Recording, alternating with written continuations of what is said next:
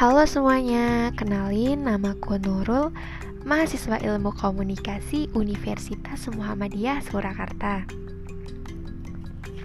Di podcast kali ini, aku tuh mau membahas tentang manajemen media penyiaran televisi. Sebelumnya pembahasan ini aku review dari buku Manajemen Media Massa yang ditulis oleh Fajar Junaidi. Kapan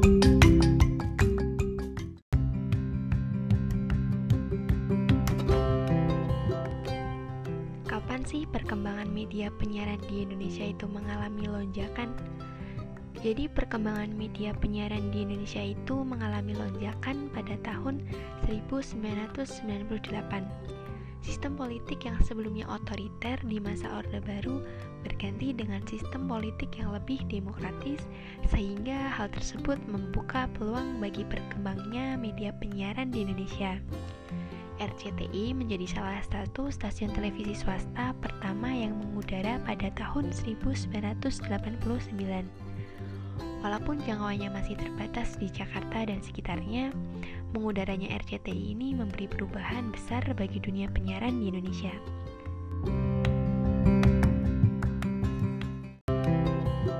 Keberhasilan RCTI kemudian diikuti oleh SCTV, ANTV, Indosiar, TPI, dan berbagai stasiun televisi lainnya. Sebelumnya, dikotomi stasiun televisi hanya ada stasiun televisi pemerintah dan stasiun televisi swasta.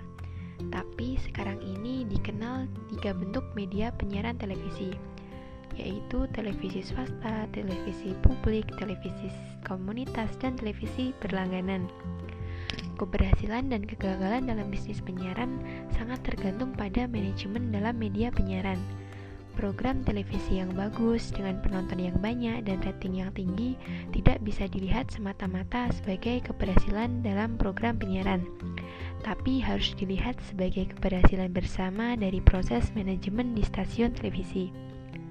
Manajemen penyiaran televisi tidak hanya berurusan dengan proses teknik siaran, namun juga menyangkut pengelolaan sumber daya manusia, sumber daya keuangan, dan sumber daya peralatan di stasiun televisi. Pengelolaan stasiun televisi harus mampu mendelegasikan wewenang kepada para bawahannya dengan beragam posisi.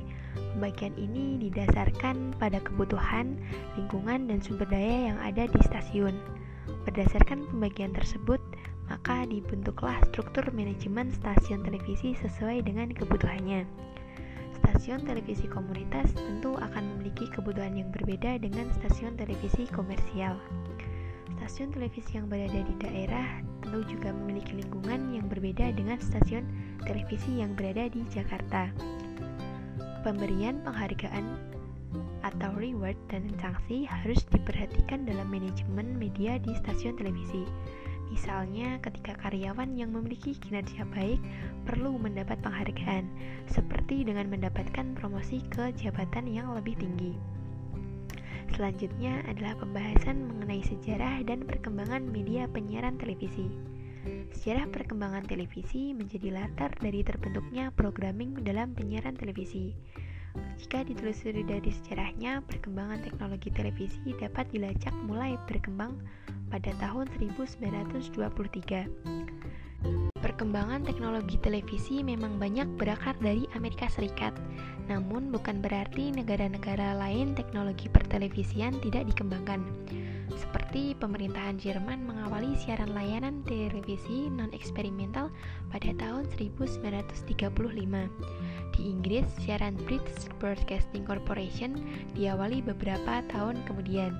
Di Indonesia sendiri dalam posisi sebagai negara yang sedang berkembang baru memiliki stasiun televisi pada dekade 1960-an.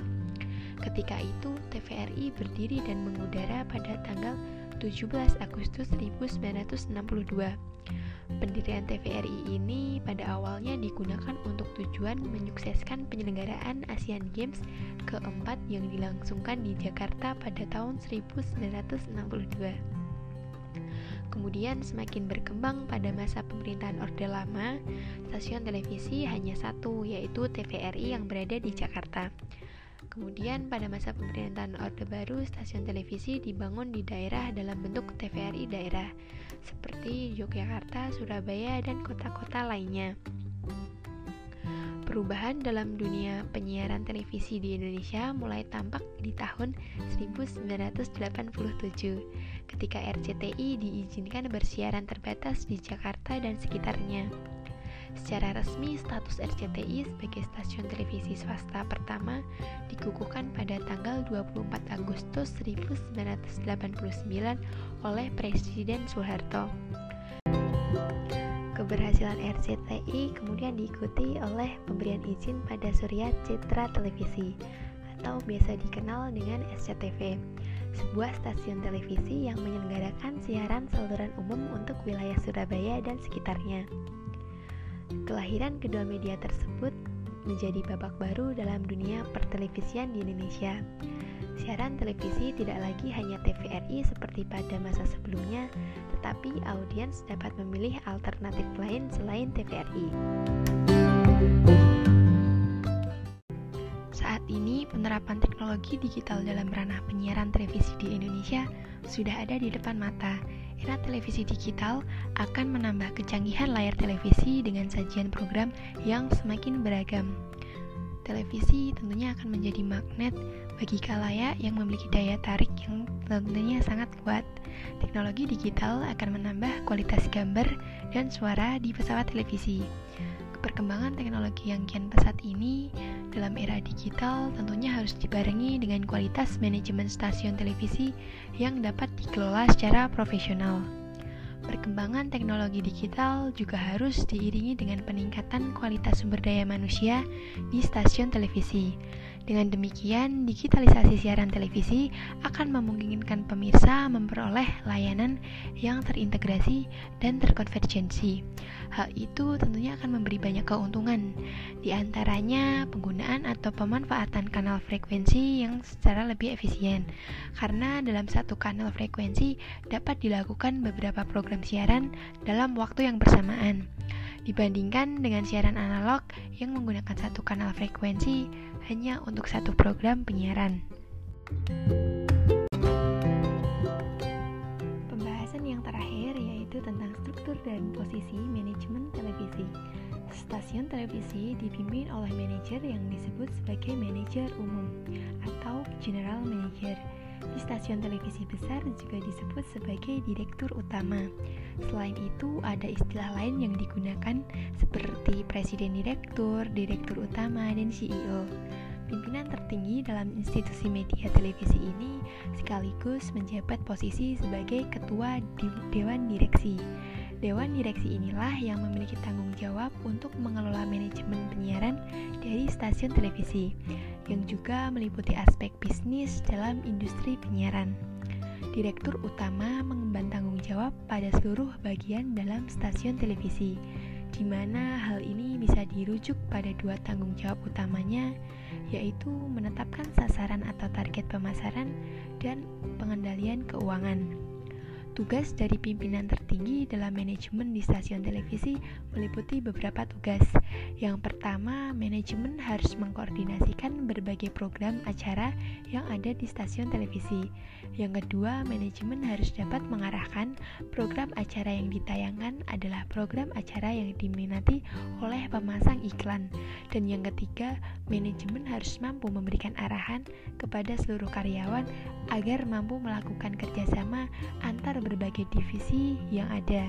Secara struktural, tidak ada standar baku dalam manajemen stasiun televisi. Tapi secara umum, stasiun televisi dalam struktur manajemennya terdiri dari beberapa divisi atau bagian atau departemen, di mana masing-masing dipimpin oleh seorang direktur atau manajer. Ada empat fungsi dasar dalam struktur organisasi media penyiaran televisi, yaitu tentang teknik, program, pemasaran, dan administrasi. Bagian teknik mengemban tanggung jawab dalam menjaga kelancaran siaran. Siaran televisi melibatkan peralatan yang sangat mahal dan memiliki nilai penyusutan yang sangat cepat. Untuk itu, bagian teknik bertugas merawat peralatan yang ada agar selalu prima ketika digunakan untuk produksi program di televisi. Bagian teknik ini biasanya dipimpin oleh kepala teknik. Sebagai kepala dalam bagian teknik, kepala teknik ini tentunya harus mampu mengkoordinasikan dan mengontrol para stafnya di bagian teknik. Kemudian yang selanjutnya adalah bagian program siaran. Bagian ini mengemban tugas untuk menyuguhkan program acara bagi kalayak. Untuk itu, bagian ini harus mampu melakukan penataan program siaran agar sesuai dengan keinginan kalayak. Kegiatan penataan program ini biasa disebut sebagai programming. Dalam melakukan programming, bagian program siaran harus mempertimbangkan jenis acara, waktu tayang, serta perilaku menonton kalayak. Setiap stasiun televisi tentunya memiliki program acara yang sangat banyak. Untuk memenuhi kebutuhan program acara, stasiun televisi dapat melakukan berbagai macam cara. Cara pertama adalah dengan memproduksi acara sendiri, dan cara kedua yang dilakukan oleh stasiun televisi adalah dengan membeli dari pihak lain. Beberapa jenis program acara yang dibeli dari pihak lain biasanya sinetron, film, infotainment, reality show, dan olahraga dari luar negeri. Yang selanjutnya adalah divisi pemberitaan. Divisi pemberitaan ini melibatkan sumber daya manusia yang beragam, mulai dari reporter, news anchor, kameramen, editor, produser, dan sebagainya. Yang selanjutnya adalah divisi pemasaran dan penjualan. Bagian ini memiliki tugas untuk menjual program-program yang dimiliki stasiun televisi pada pengiklan. Bagian ini adalah bagian yang vital bagi stasiun televisi swasta yang membutuhkan pendapatan dari iklan untuk menjamin keberlangsungan siarannya. Divisi lain dalam struktur industri penyiaran adalah bagian administrasi. Bagian administrasi ini sebenarnya ada di hampir semua struktur perusahaan, baik perusahaan media maupun non-media. Sebagaimana namanya, bagian ini mengemban tugas dalam fungsi-fungsi organisasi yang berkaitan dengan fungsi administrasi.